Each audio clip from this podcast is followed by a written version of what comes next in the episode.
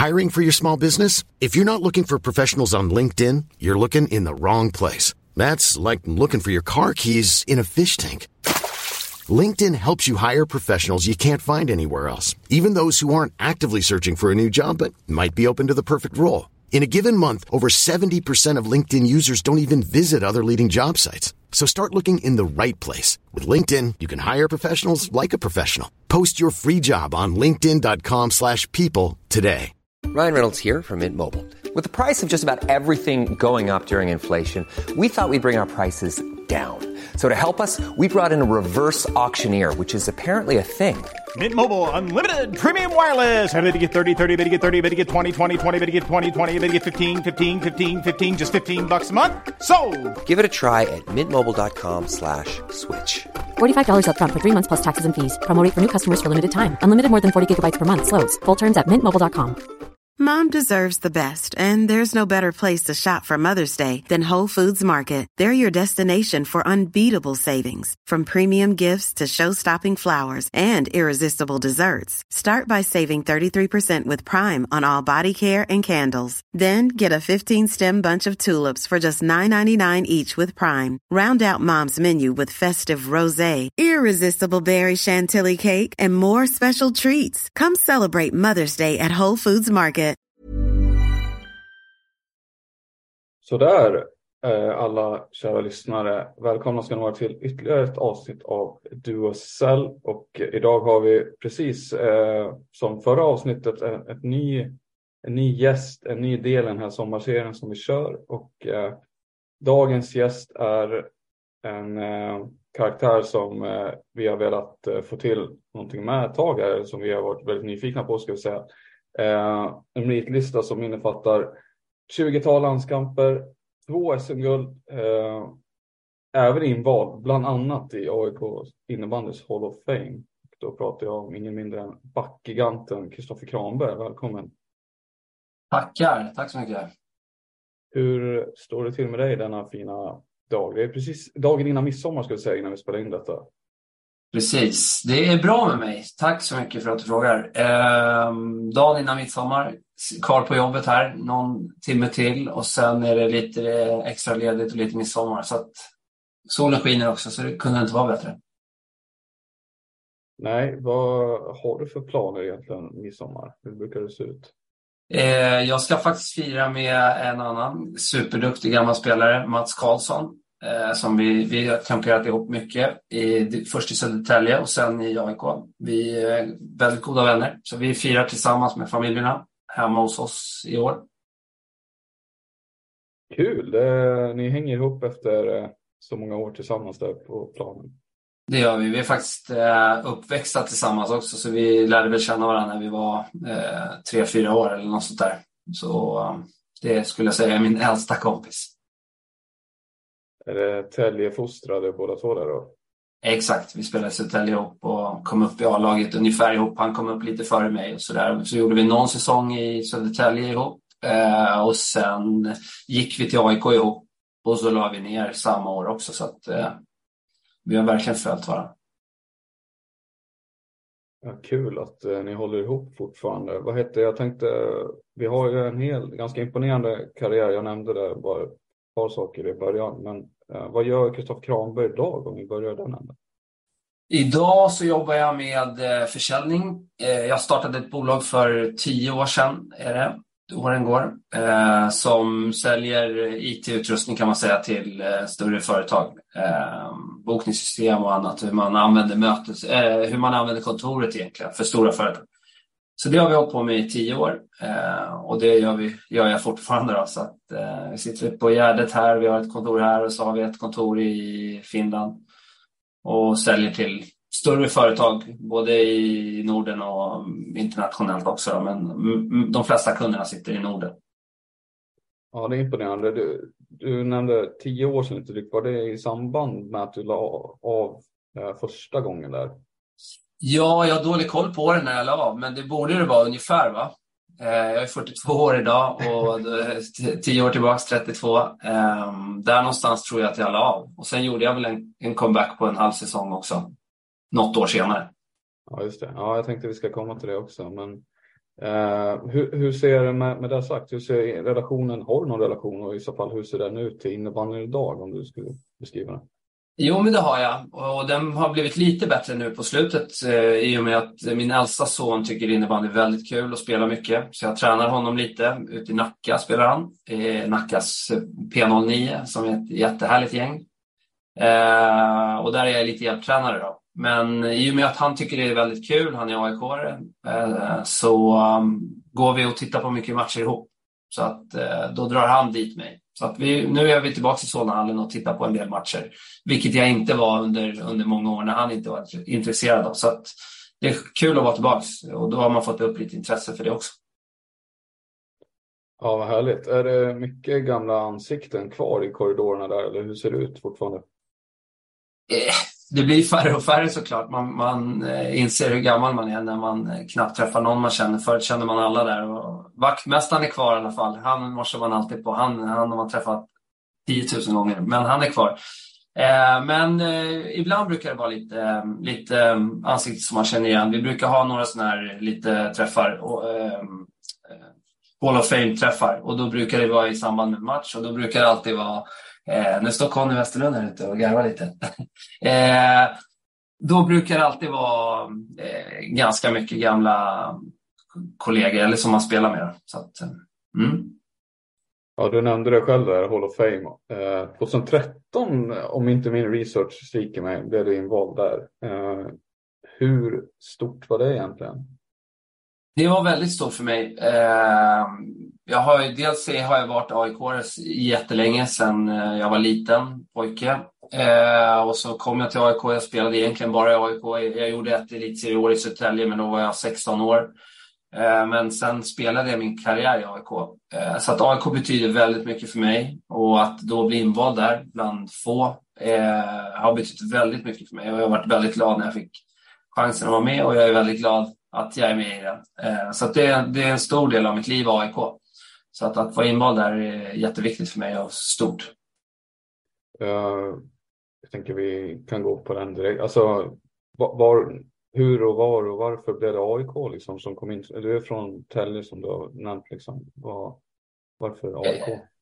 Ja, men jag, dels var jag, jag var AIK när jag var eh, yngre. Liksom. Jag började gå på fotbollen, eller först hockeyn egentligen och sen fotbollen. Eh, började följa AIK och sen kom jag upp i A-laget i Södertälje. Vi och AIK tampades om att gå upp till elitserien ett år. De kom etta, vi kom tvåa. Och sen vart de klara för elitserien då och så gick jag över det. Så jag var med första året i elitserien. Men ja, i och med att jag höll på AIK innan så var det ganska lätt val. Det var, det var en ära liksom att få ha den tröjan på sig. Det är inte aktuellt med, du nämnde det, det är mest eh, läktaren eh, som gäller för det. Det är inte så att du håller igång själv med att spela så. Nej, nej, faktiskt inte. Jag, eh, jag har inget sug riktigt efter att, eh, att lira. Man har lirat så himla mycket. Så att jag har inte spelat någonting egentligen sedan jag slutade. Jag har gjort någon träning med någon kanske någon gång för att det är någon kompis som spelar i något lag. Eller jag gjorde en match med några jobbarkompisar i division 4 eller vad det var, bara för att eh, de bad mig. Men annars har jag inte, annars spelar jag ingen innebandy alls. Uh, comebacken där som du gjorde, uh, du la ju av där 20 efter säsongen 10-11 tror jag det var, om jag inte helt ute cyklar. Och sen så var det nog 2014, kan det vara, stämma det som du fick för dig då att du skulle tillbaka. Jag minns det där lite var, Så jag, jag var ju med, var ju med på den tiden. Men eh, jag, jag, vet att jag tog emot den. Jag blev väldigt förvånad eh, att den kom där 2014. Där. Eh, blev väldigt glad för det första, men också ja, jag, jag blev som sagt förvånad. Eh, berätta lite om beslutet där att du hoppade på igen. Jo, men eh, egentligen var det ganska enkelt. Jag eh, hade inga planer på att hoppa tillbaka. Jag hade inte spelat innebandy på, jag tror att det var tre år mellan från att jag slutade och jag hade knappt rört en klubba på de tre åren. Men AIK låg i den situationen de låg. De låg på nedflyttningsplats och de hade haft problem med skador och det var mycket backar som var skadade. Och, så då fick jag frågan av, av AIK om, om jag kunde hjälpa till och bara och försöka hålla kvar klubben. Eh, i elitserien. Och det var runt jul jag tror man hade vunnit noll matcher och det var, liksom, det var inget bra och det var mycket skador och folk borta och sådär. Så att då var det mer att jag kände att eh, jag var tvungen att ge tillbaka något. Och jag kände fysiskt och sådär kände jag att jag har det i mig. Liksom. Det känner jag typ fortfarande. Men, eh, eh du, men då var det det. Ja, för, förlåt, jag ja, med. Du, kände, du kände då, tre och ett halvt år från innebandyn, jag går ja. in SSL-tempo, liksom. det här tar jag.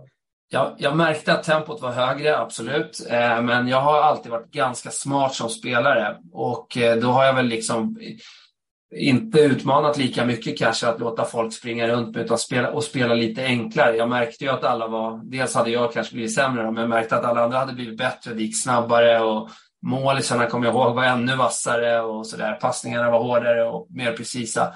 Men, eh, men att spela smart funkar. Så jag var ju liksom inte, jag kanske inte var så, jag hade, var inte så bidragande som jag var under mina bästa år kanske.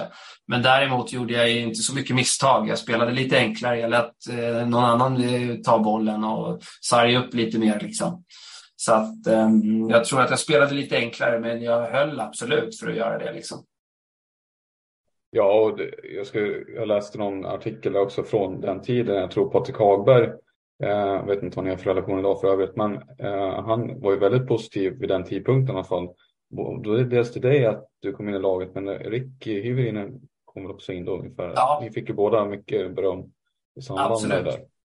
Vi kom in samtidigt och, och, båda kom väl in med ungefär samma, samma tanke liksom att höja, höja hela gruppen med, inte bara innebandymässigt, men vid sidan av också. Se till att liksom höja hela gruppen med energi och det gör ju mycket, mycket mer än vad man tror. Det tjatar jag på barnen när de idrottar hela tiden med det här med sucka inte om någon slår en felpass utan höj dem istället och visa med löpningar och visa med engagemang hur Eh, alltså visa eh, för dina lagkamrater, eh, ta, ta en löpning, ta en tackling, visa det. Det ger så himla mycket till alla andra. Man ser att någon verkligen tar en maxlöpning när de har tappat bollen för att ta tillbaka den. Så att, ja. Och det kommer både jag och han in med väldigt mycket tycker jag. Det är väl några, en parentes bara, men det är väl några av de killarna som du spelar med då som är, finns i dagens AIK-upplaga. Jag tänker på en sån som mm. Alex Kjellbris kanske. Ja, Kjellbris var med. Eh, Lieback Asp var med. Eh, jag tror att Forslöv eh, heter han va? Backen Adam, nej, jo. Eh, jo ja, exakt. Han var med. Eh, och kanske om jag missar någon, men det var några stycken. Men sen eh, började det tunnas ut. Uh, om man uh, backar lite grann, alltså ett av, um, Ehm, och det har du väl själv pratat ganska mycket om tror jag under din, under din karriär också, sådär. men du fick ju ett rykte om dig som en eh, väldigt tuff spelare och eh, avspeglade sig kanske lite i utvisningsligan och sådär. Ehm, jag vet inte om du fortfarande är i topp där, men du är väl allmänt en av de mest utvisade fortfarande spelarna som vi har i högsta serien. Ehm, hur ser det ut för de som inte eh, kunde se dig så mycket när du spelade. Liksom. Alltså den speltypen som du var. Eh, hur skulle du själv beskriva det? Liksom? Nej, men, eh, min spelstil byggde mycket på liksom, aggressivitet eh, och vad jobbig att möta. Och, och sen, jag, jag, jag, mycket passion. Oavsett vad jag gör så försöker jag lägga hela min själ och energi i det. Och det blir ju på gott och ont. Det blev ju mycket onödiga utvisningar för snack kanske för att man var så engagerad och så på liksom. Eh, och sen efter ett tag så blev det väl kanske också att man fick några, eh, lite extra utvisningar för att domaren visste att han har förmodligen gjort något eller han har förmodligen sagt något. Liksom. Eh, men hela spelstilen och har byggt på energi och, och, och passion. Eh, så att, eh, ja, därav alla utvisningsminuter. Ja, det är en fin övergång så till just den här comebacken. Eh, 2014 där, knappt en minut in tror jag han går i den, eh, var det Mullsjö mötte då som du åkte ut för jag minns faktiskt inte vad det var du åkte på men eh, du nämnde väl just samma sak efteråt att det där, bara för att det var du så fick du den ungefär. Ja, det kan väl varit det. Eller så var det liksom tre och ett halvt års eh, frustration som ville ur mig. Att jag gjorde något som man inte fick kanske. Minns du vad du åkte ut för? Nej, men jag tror att det fanns någon, för det var också något, något barn i laget här som jag tränar som, som eh, googlade mig någon gång och hittade någon annons eller någon eh, artikel från Expressen, Aftonbladet eller någonting där det stod att utvisning, jag kommer inte ihåg vad det var, om det var hårt spel kanske. Mm. Låter det otroligt i dina öron att det skulle vara hårt spel? Nej, det skulle kunna varit det. Men det är inte bara, jag tänker, du hade ju många, alltså det var inte bara att du var fysiskt och väldigt jobbig och alltså, tuff att möta defensivt. Alltså, du hade ju också fina egenskaper offensivt. Du producerade ganska mycket poäng. Det var ju eh, också en egenskap. Alltså, hur kom det sig att du var så pass bra även framåt, skulle du säga, att du fick ja, producera ja. poäng helt enkelt? Ja, men jag har väl haft eh jag har några styrkor liksom i, min, i min idrott. Eh, och den ena har absolut varit snabbheten. Jag har varit väldigt snabb. liksom. Eh, men speluppfattningen tror jag är eh, min största. Eh, jag har väldigt, eh, väldigt bra speluppfattning för att se liksom, vilka ytor man kanske ska ta sig till och sen också lägga mycket pass. Jag hade mycket assist. Eh, så, och mycket, mycket ganska bra assist, eh, tycker jag själv. Så att eh, Eh, det är väl speluppfattningen framför allt som har gjort att det, att det blev mycket poäng och att jag eh, ja, kom till landslag och, och sådana saker. Det gör man ju inte bara på att eh, bråka med domaren och tackla ner folk. Liksom. Eh, du var ju med i landslaget. Eh, enligt mig så var ju det här alltså, en väldigt viktig del i innebandyns liksom, eh, historia liksom, eh, mot att bli en mer professionell idrott eller om man ska säga mer seriös idrott kanske. Man kan säga eh, professionell är man ju inte när man spelar extraserien. Eh, tyvärr. Men eh, också väldigt många extremt eh, bra innebandyspelare den generationen som du tillhörde. Och du var med i landslaget eh, och har ju VM på meritlistan. Sådär. Mm. Eh, det är först och främst imponerande. Det är väl det det ena liksom. Men hur ser du tillbaka på de spelarna som du eh, ändå, du slog dig in där med sådana som Kimmo Eskelinen och eh, Peter Fischerström som du delade klubbadress med också. Alltså det är ju otroliga namn liksom. Absolut. Eh, nej men vi hade, under de åren hade vi fantastiskt landslag. Vi hade fantastiskt klubblag men det var ett fantastiskt landslag också. Eh, så 06 kollar man tillbaks på ibland och tänker att eh, det var ett otroligt bra lag alltså, när vi vann guld i Sverige.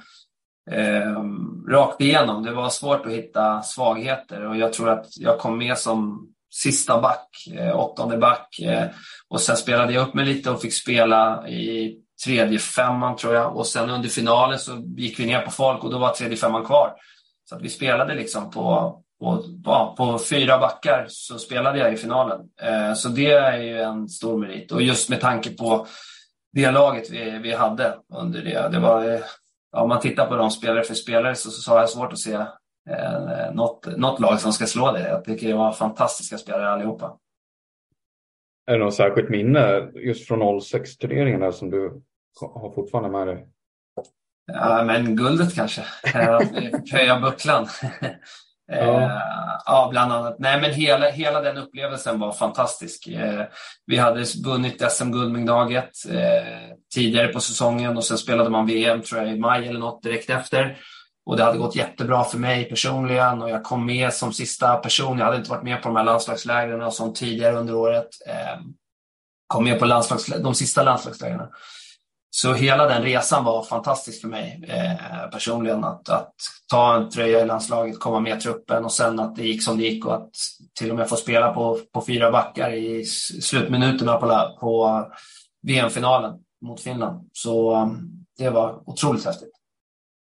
Och för alla som håller på med innebandy eller bevakar innebandy eller på något sätt eh, som spelare, som aktiv. Jag menar, att vara med om en sån grej, det är ju fortfarande eh, det högsta Eh, man kan vara med om egentligen. Ju. Eh, Absolut. Som, eh, alltså, hur går man vidare efter en sån upplevelse, en sån match liksom, som spelare? Var det svårt liksom, att landa mentalt eller hur, hur gör man? Liksom, man går in i en ny försäsong med Gnaget och sådär. Nej, men dels eh, dels är väl in, eh, landslaget och klubblaget är ganska olika ur det, den aspekten att klubblaget träffas du varje dag med. Från, ja, när drog man igång liksom? Augusti. Och så kör man ett, en hel säsong och finalen går i april eller någonting. Och då träffas du varje dag. Du tränar ihop varje dag. Du fightas ihop och det, är inte, alltså, det händer saker på träningar och det är kamp varje dag. Liksom. Så där är det inte så svårt och där har man det där slutmålet. Däremot landslaget så träffas man ju kort och sen nästa gång det går det någon månad så träffas man igen och då kanske det är några spelare som är utbytta och det kommer några nya och så vidare.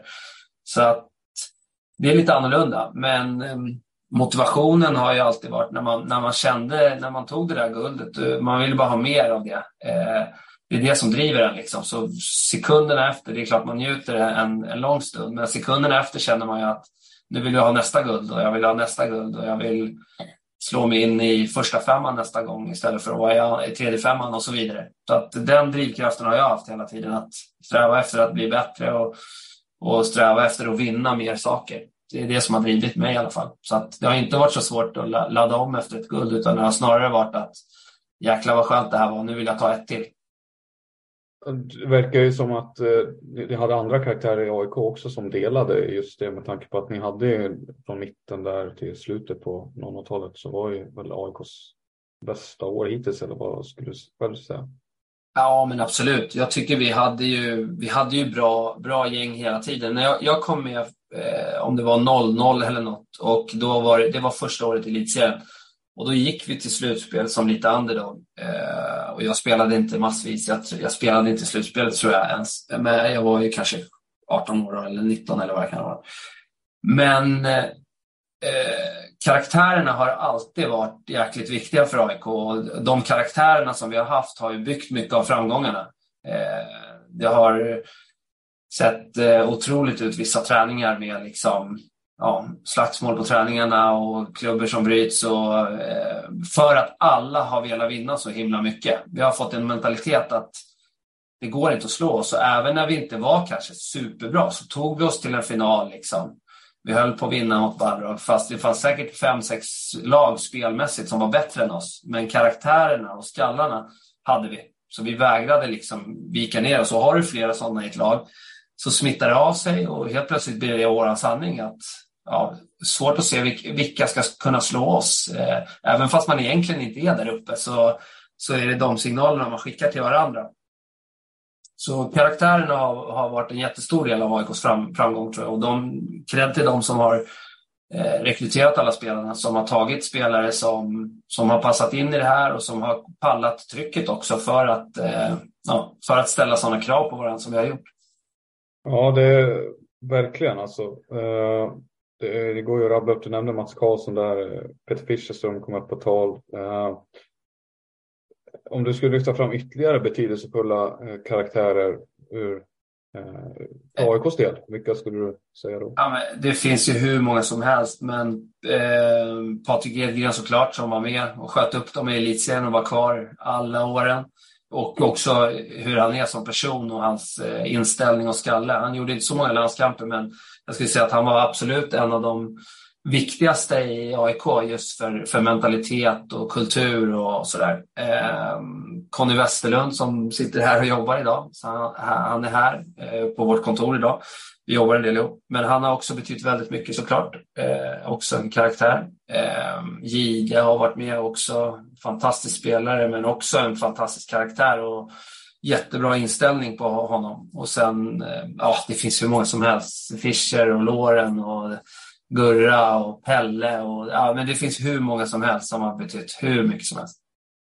Och med det sagt, eh, finns det någon i dagens AIK eh, 2023 som du ser som en, eh, eh, ja, en liknande karaktär, en sån profil, eller vad man ska säga? Alltså man kommer ju längre ifrån så det blir svårare att bedöma vem som har vad. Liksom. Men däremot så har vi varit och tittat lite. Det finns ju, finns ju, det ser spännande ut i år i alla fall. Och med lite nyförvärv. Eh, Stefansson är tillbaks och sådär. Så att jag, jag hoppas att de kan bygga upp någon typ av ny era liksom, runt några nyckelpersoner. Och han är väl absolut en av de som måste leverera. Eh, och sen Liam också. Ehm, så att ehm, de kommer nog få dra ett stort lass, men de, de kommer behöva lite karaktärer runt sig och sådär och bygga upp den här mentaliteten igen. För det känns som att ja, det var mycket, det är svårt när det blir en generationsväxling och många slutar ur den era eller ur den liksom, eh, det spelar ingen roll vilka spelare man har kvar. Om, om många av många år slutar samtidigt så är det tufft. Ja, eh, nu är vi kanske inne på det igen, men, men eh, faktum är ju om man tittar rent eh, sportsligt på planen så var det ju tuffa år efter att du och eh, många andra i den generationen lämnade 10-talet och inte varit det roligaste eh, decenniet för AIK innebandy. Absolut. Uh, Nej, men, men... som jag sa där, jag tror att det var så många år som slutade samtidigt och det tror jag påverkar. Sen vem som slutar eller, men om du tar bort mycket av liksom kultur, mentalitet, många säsonger ihop så blir det tufft för vilket lag som helst att tappa dem samtidigt. Eh, men eh, jag delar nog, det finns nog skäl ändå att vara optimistisk när det gäller AIK. Man lyckas hålla sig kvar här nu och jag håller med dig helt att eh, det var väldigt många spännande killar som har kommit in här. Stefansson, en, mm. en av de främsta. Men Ryan Reynolds here from Mint Mobile. With the price of just about everything going up during inflation, we thought we'd bring our prices down. So to help us, we brought in a reverse auctioneer, which is apparently a thing. Mint Mobile unlimited premium wireless. Ready to get 30, 30, bit to get 30, bit to get 20, 20, 20, bit to get 20, 20, bit to get 15, 15, 15, 15 just 15 bucks a month. So, Give it a try at mintmobile.com/switch. slash $45 up front for 3 months plus taxes and fees. Promo for new customers for limited time. Unlimited more than 40 gigabytes per month slows. Full terms at mintmobile.com. Hiring for your small business? If you're not looking for professionals on LinkedIn, you're looking in the wrong place. That's like looking for your car keys in a fish tank. LinkedIn helps you hire professionals you can't find anywhere else, even those who aren't actively searching for a new job but might be open to the perfect role. In a given month, over 70% of LinkedIn users don't even visit other leading job sites. So start looking in the right place. With LinkedIn, you can hire professionals like a professional. Post your free job on linkedin.com slash people today. Jag, jag tycker AIK, det ser spännande ut där framöver. Jag håller med. Jag håller med. Det är bara att hoppas att de, att de får ihop det. Då. Men ehm, det, det, känns som att det var livsviktigt att de klarade det där förra året, vilket de gjorde. Eh, och det var starkt gjort. Ju. Så att ehm, ja, hänga kvar, bygga på det här, få lite framgång nu. Eh, så det, borde det ska ju finnas ett, ett AIK i elitserien hade ju varit underbart eh, fortsatt och framförallt om de kunde vara med och slåss om medaljerna så småningom. Mm. Ja, det är inte omöjligt. Eh, de har ju en tränare som eh, har varit med eh, på högsta längst fram där som har lite rutin. Ja. Vad är din bild av Magnus Binge Jäderlund?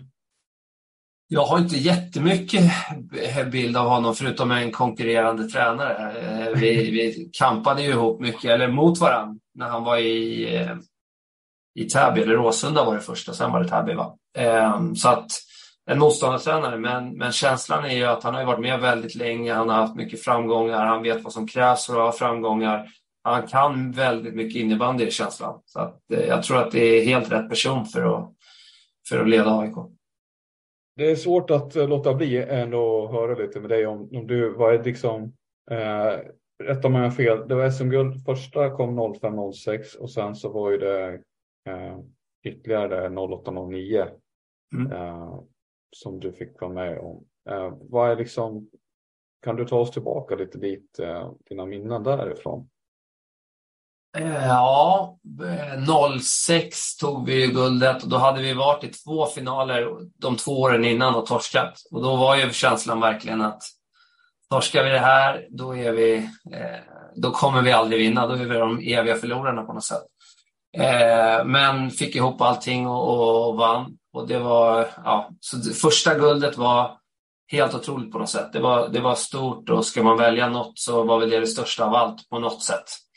Eh, eh, och sen hade vi tre år i rad tror jag med Europacup-guld. och sen kom eh, eh SM-guld igen 09 och 09 var det kanske mer lättnad. Då hade man varit med ett tag, man var lite äldre och vi hade fått det här första guldet på något sätt och sådär. Så det var mer en lättnad, lättnad, e, mer eufori första och mer lättnad kanske andra. Då. Så att, ehm, ja. Vi rättar mig fel här också, men det var ju det andra guldet så var det ju eh, ganska mycket press på er också, va? för att det var mycket eh, tidningar och sånt som utmålade er som Galacticos med tanke på den, den laguppställningen som ni ställde upp med. Den var, det var ju inte, det var inte obefogat att slänga sig med det, men uh, ja. Nej, det stämmer. Det stämmer. Vi hade, vi hade ju ett jättebra lag. Det hade vi ju alla år, absolut. Och det hade vi även första året. Men då var det väl lite mer så här stjärnspelare kanske. Va? Kim Nilsson var ju hos oss och eh, Gide var, jo, det var Gide sista va? säsong tror jag.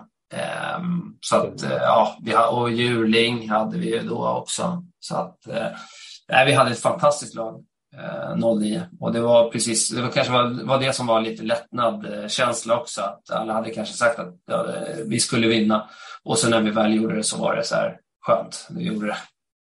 Ja.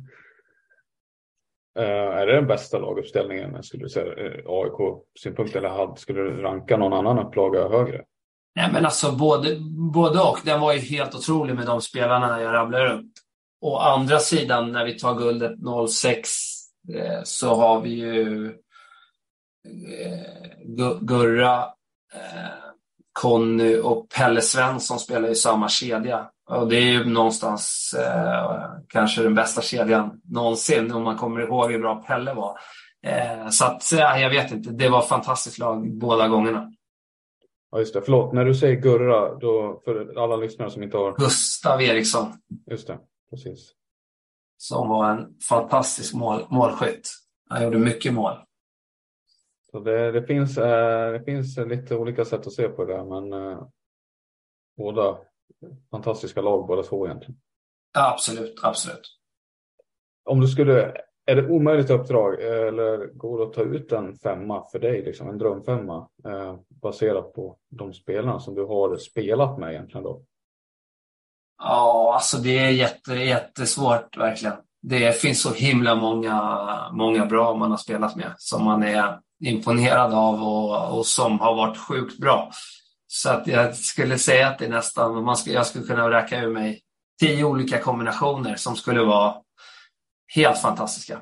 Eh, så att, att, att göra det skulle vara för, det är för svårt nästan. Mm.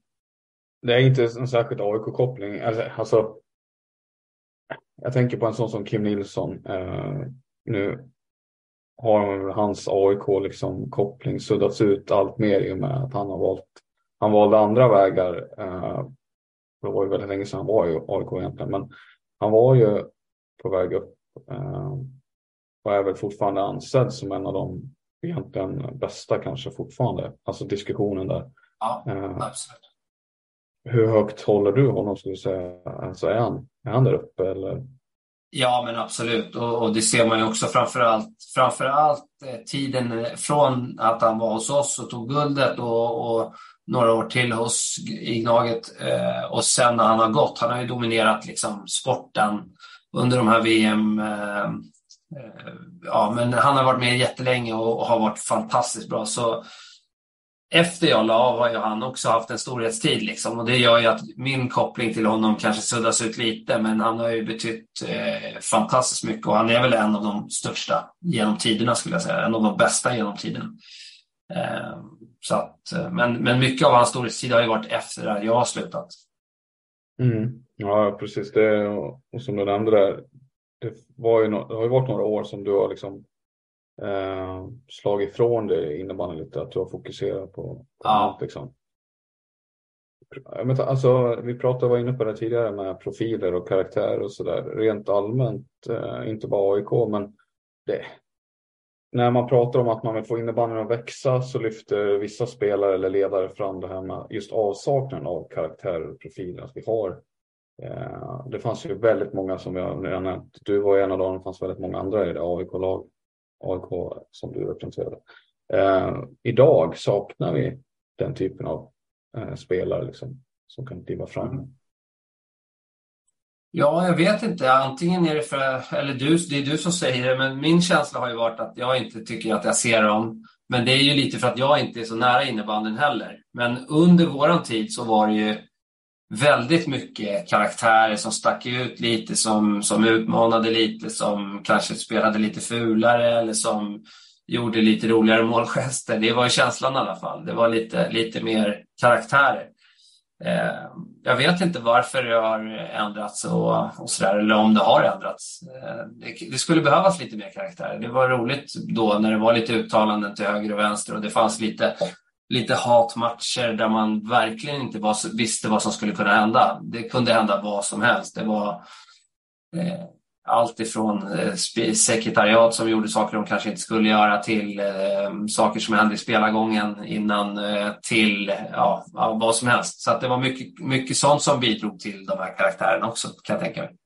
Ja, nu får du, nu får du släppa in här lite. Vad, vad är det för sekretariat som du Nej. På? Nej, men det, kunde, det, var, det hände väl lite mer konstiga saker på den tiden. Eh, som jag, jag tror inte att det händer idag. Liksom. Men men eh, det har väl varit en del liksom eh, vad ska man säga, kurr i, i liksom spelargången innan matcherna, i periodpausar, eh, saker som inte är så norm normalt att det händer. Men det har ju spett på liksom det här att det var eh, karaktärer som man visste inte riktigt vad som hände. Folk sköt, in, sköt bollar på varandra under uppvärmningar, sprang in, tacklade varandra på uppvärmningar. Saker och ting som gjorde att eh, det spädde på den här liksom, ja, han är inte riktigt klok eller han vet man inte riktigt vad man får av. Och det gjorde att den personen vart en, en karaktär kanske. Alltså, eh, alltså jag, jag delar det. Alltså, jag, jag känner inte till, alltså, det förekommer inte idag. Så mycket kan jag säga ändå, så mycket kan man säga. Att det snappar inte jag upp i alla fall. Det låter ju helt otroligt att, eh, att, har, att det har varit så. Liksom. Eh, ja, det var länge sedan också kanske. Åren går liksom och det ser ju annorlunda ut. Men det var, vi hade många konstiga incidenter. Man kan rabbla hur många som helst. Men eh, det hoppade in någon från läktaren och skulle blanda sig i något bråk någon gång. Några supportrar liksom. Som när vi var uppe i Umeå tror jag, eller Örnsköldsvik eller något. Så att mycket konstiga saker som hände och det, jag vet inte, det gjorde väl också grejen att eh, det, det var lite mer speciellt och lite annorlunda. Liksom. Ja, det gör det ju innebandyn som sport också tacksammare att eh, skriva om lite. Eh, mm. För media tänker jag. Man får ja. större bevakning. Mm. Uh, men, men vad är det märkligaste? Skulle jag, säga? jag vet att Falun har ju varit ett lag som det kanske har varit lite kurr med också. Men mm. vad är det märkligaste du har varit med om? Jag vet inte. Märkligaste? Märkligaste? Nej, jag har inget så här direkt på rak arm. Det har hänt mycket märkliga saker. I Falun har det väl hänt lite märkliga saker. Eh, eller, nej, jag vet inte. nej, jag vet inte riktigt. Nej, men du, jag, du... Eh, eh, var, eh, nej, jag vet faktiskt inte. Det, var, det har varit lite, lite sådana roliga saker, incidenter som har hänt. Det har varit, eh, ja, jag kommer inte på någon på rak arm. Nej. Uh, Okej. Okay. Uh, om jag formulerar om det lite då, men fanns det något lag eller någon spelare som du inte tyckte var särskilt liksom, uh, rolig att möta eller rent så att den här spelaren är rent tuff, tuff att möta helt enkelt? Att, uh, snabb eller bra teknik eller liksom, sådana saker. Var det någon som du verkligen inte tyckte om att ställas mot? Ja, men det, det, har funnits många liksom. Men eh, Anders Hellgård var ju eh, otroligt bra. Eh, det är en av de bästa spelarna genom alla tider tycker jag. Eh, så han var ju inte rolig att möta av den anledningen att han var så himla bra. Och sen var han också stark och, och tjurig och ville vinna och de här sakerna som, som gjorde att det var ännu jobbigare. Men han var fantastiskt bra. Eh, Andreas Johansson var ju väldigt eh, grisig och, och sådär. Och det har varit alltid kamp och eh, snack och tjafs. Eh, så att eh, han var väldigt liksom oskön tyckte man innan och ogillade verkligen honom. Men så, så körde vi landslaget ihop och då, då är det helt annorlunda. Supertrevlig kille, superduktig, men avskydde honom liksom innan matcher och under matcher och sådär. Som det ska vara. Så att, men, men en fin kille vill jag tillägga vid sidan av.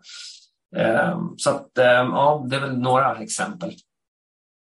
Andreas Johansson, eh, Falun. Ja, exakt.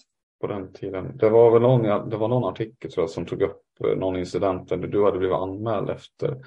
Eh, men han, han hade också blivit anmäld i sin tur. Eh, men friades. Det var någon sån historia. Är det något du har någon? det var nog flera, flera olika historier tror jag. Men, eh, Just Andreas Johansson. Ja, med honom faktiskt. Ja, men det var någon, tror jag, han... Ehm, ja, för han bentacklade mig eller någonting med någon sekund kvar. De hade torskat en slutspelsmatch och liksom bara för att. Eh, och sen var det väl någon när jag gick på honom kanske precis i slutsignalen också, när vi hade vunnit. Så att, jag vet inte. Men jag tänker, eh, eh, alltså det här det är preskriberat liksom. Uh, eller vad? Alltså, det, är, det är ett tag sedan nu. Ja, det är några år sedan. Det är några år sedan. Men ja, nej, men det, det gick ju bra ändå. Ju. Men det var väl någon, jag tror att de anmälde oss eller mig efter någon match att jag hade sprungit in i honom efter matchen typ. Eh, och då vart jag anmäld och så vart jag avstängd några matcher. Även fast klubbarna kanske inte skulle gå på varandra och anmäla varandra så gjorde Falun det ändå. Och det spädde väl på den här att man kanske inte gillade dem liksom.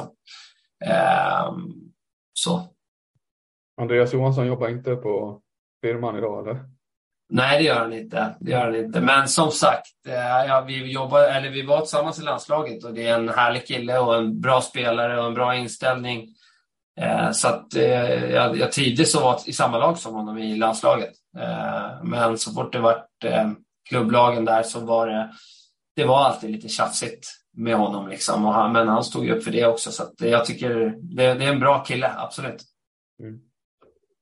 Uh, jag skulle vilja gå vidare till någonting helt annat egentligen. Eh, som jag, mitt minne är väldigt, eh, och det får du får ursäkta mig, mitt minne är lite dåligt på den punkten. Men jag har för mig, eh, vi får se om det här kommer med överhuvudtaget, eh, beror på hur det flyger. Men var det inte så att du sållade en hel del under din karriär? Nej, ditt minne är helt fel. Okej. Okay. Jag har noll koll på det alltså. Jag kan äh, inte. Det var inte, okej. Okay. Nej. men jag, anledningen till att, för jag för att du spelade med en typ av eh, blad på den tiden. Ja, men det gjorde jag. Det stämmer. Ja, det här Evo. Och jag, det, hade, det var helt sjukt ju, för det, det slutade ju tillverkas. Och, men jag var tvungen att ha, jag har varit väldigt sådär, jag måste ha samma grej. Så jag, jag bytte aldrig linda, utan när den var helt slut för mig, då bytte jag hellre klubba. Och jag bytte inte blad under. Jag, jag höll på liksom och dribblade med det där. Jag kunde inte ändra liksom en setup. Då gick jag bara och störde mig på det. Så att eh, de här bladen fastnade jag för. Evo 3 eller vad de hette. Något sånt där. Eh, Unihoc.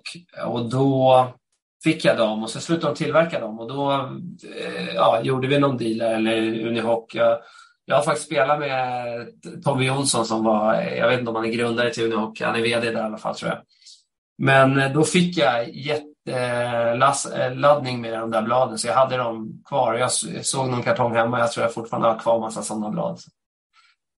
Oj. Men jag sårade inte.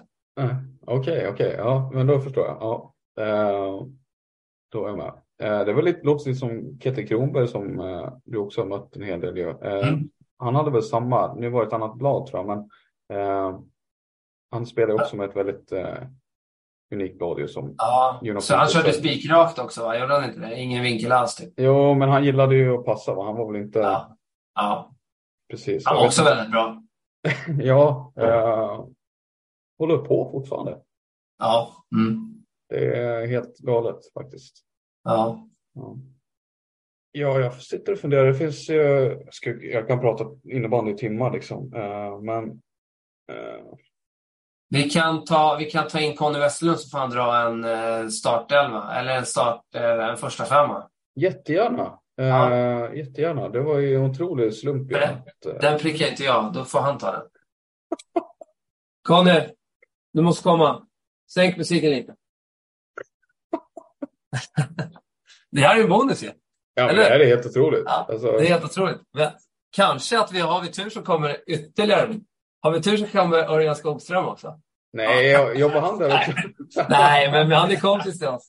Men vad fan kan ni ha pratat om så länge då? Alltså, det omöjligt kan vara innebandy. jo, det här är innebandypodden. Är det? Ja. Tjena. Hallå. Ja. Eh, TV-profilen Conny Österlund. Ah.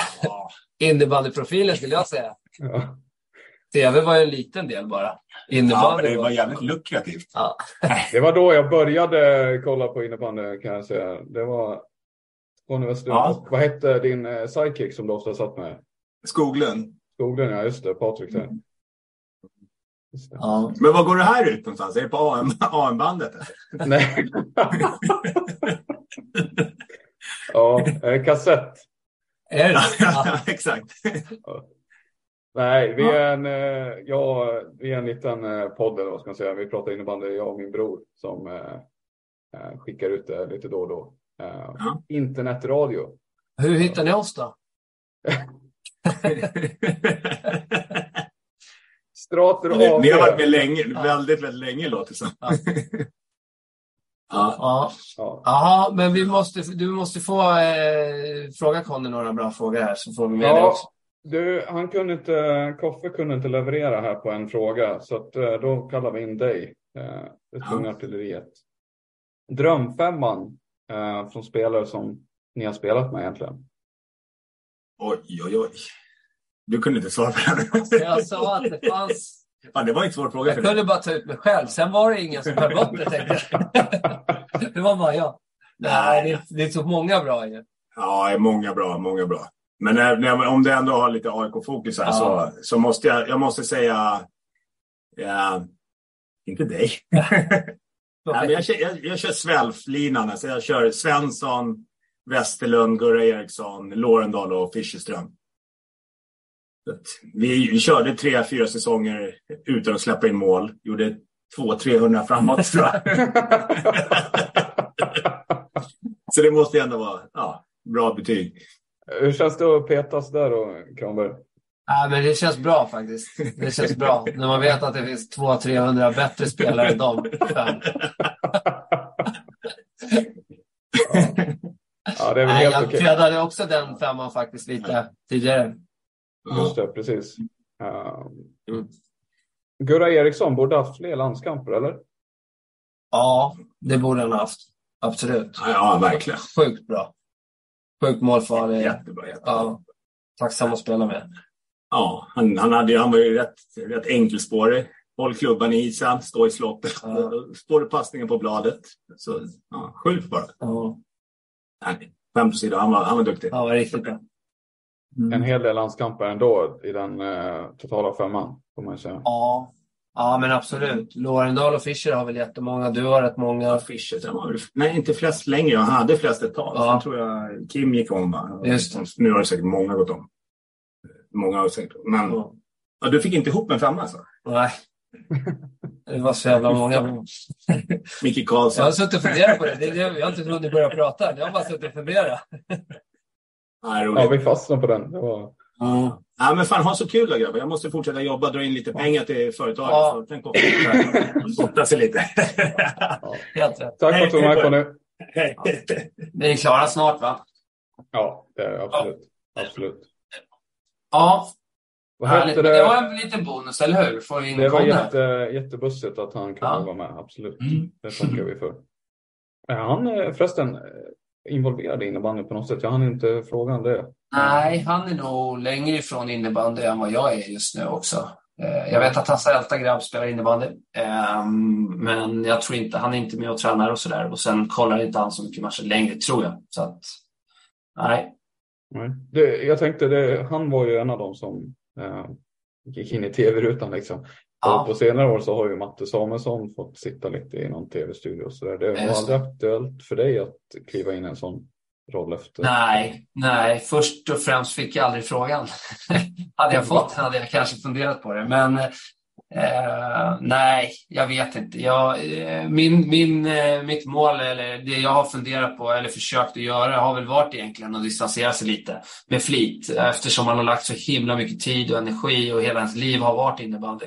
Så har det varit ganska skönt när man la av att att inte lägga, vara kvar i innebandybubblan på något sätt utan att liksom lämna den. Och det har känts bra. Och nu känns det ganska bra att vara tillbaka lite i alla fall med, i och med att sonen spelar, eller båda sönerna spelar. Och, och AIK är lite på gång så, så känns det lite bättre att vara tillbaka. Eh, jag förstår det.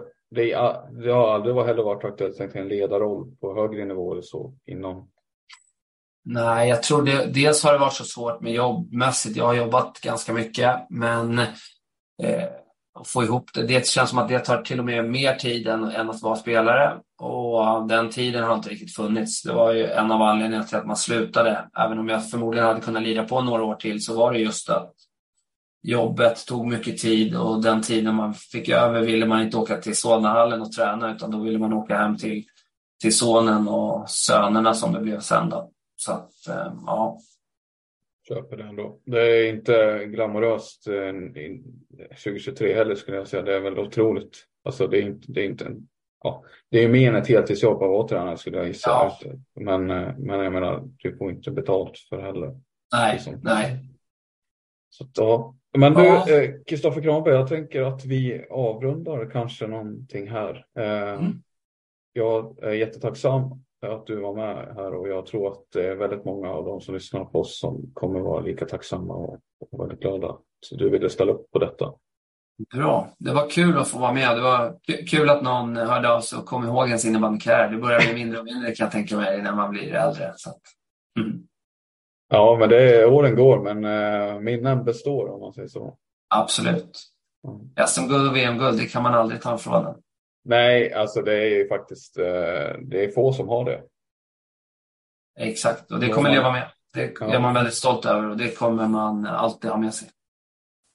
Med det sagt så tackar jag även er som har lyssnat på detta avsnitt och eh, ni får gärna in och följa podden på sociala medier, Facebook, Instagram framförallt. Eh, heter vi DuSSL. Eh, vi har även skaffat ett TikTok-konto och hakar på den trenden så då kan man in och se lite klipp från eh, podden, eh, vad vi har gjort där. Eh, ja, tack så jättemycket för detta avsnitt.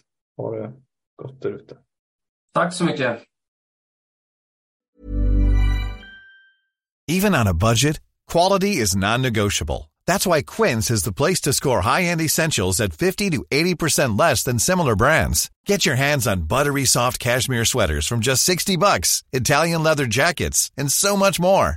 And the best part about Quince, they exclusively partner with factories committed to safe, ethical, and responsible manufacturing. Elevate your style without the elevated price tag with Quince. Go to quince.com slash upgrade for free shipping and 365-day returns.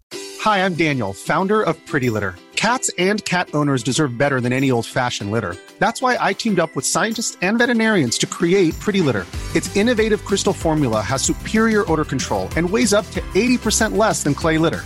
Pretty Litter even monitors health by changing colors to help detect early signs of potential illness. It's the world's smartest kitty litter.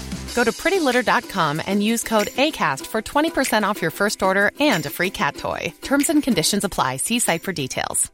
Mom deserves the best, and there's no better place to shop for Mother's Day than Whole Foods Market. They're your destination for unbeatable savings, from premium gifts to show-stopping flowers and irresistible desserts. Start by saving 33% with Prime on all body care and candles. Then get a 15-stem bunch of tulips for just $9.99 each with Prime. Round out Mom's menu with festive rosé, irresistible berry chantilly cake, and more special treats. Come celebrate Mother's Day at Whole Foods Market.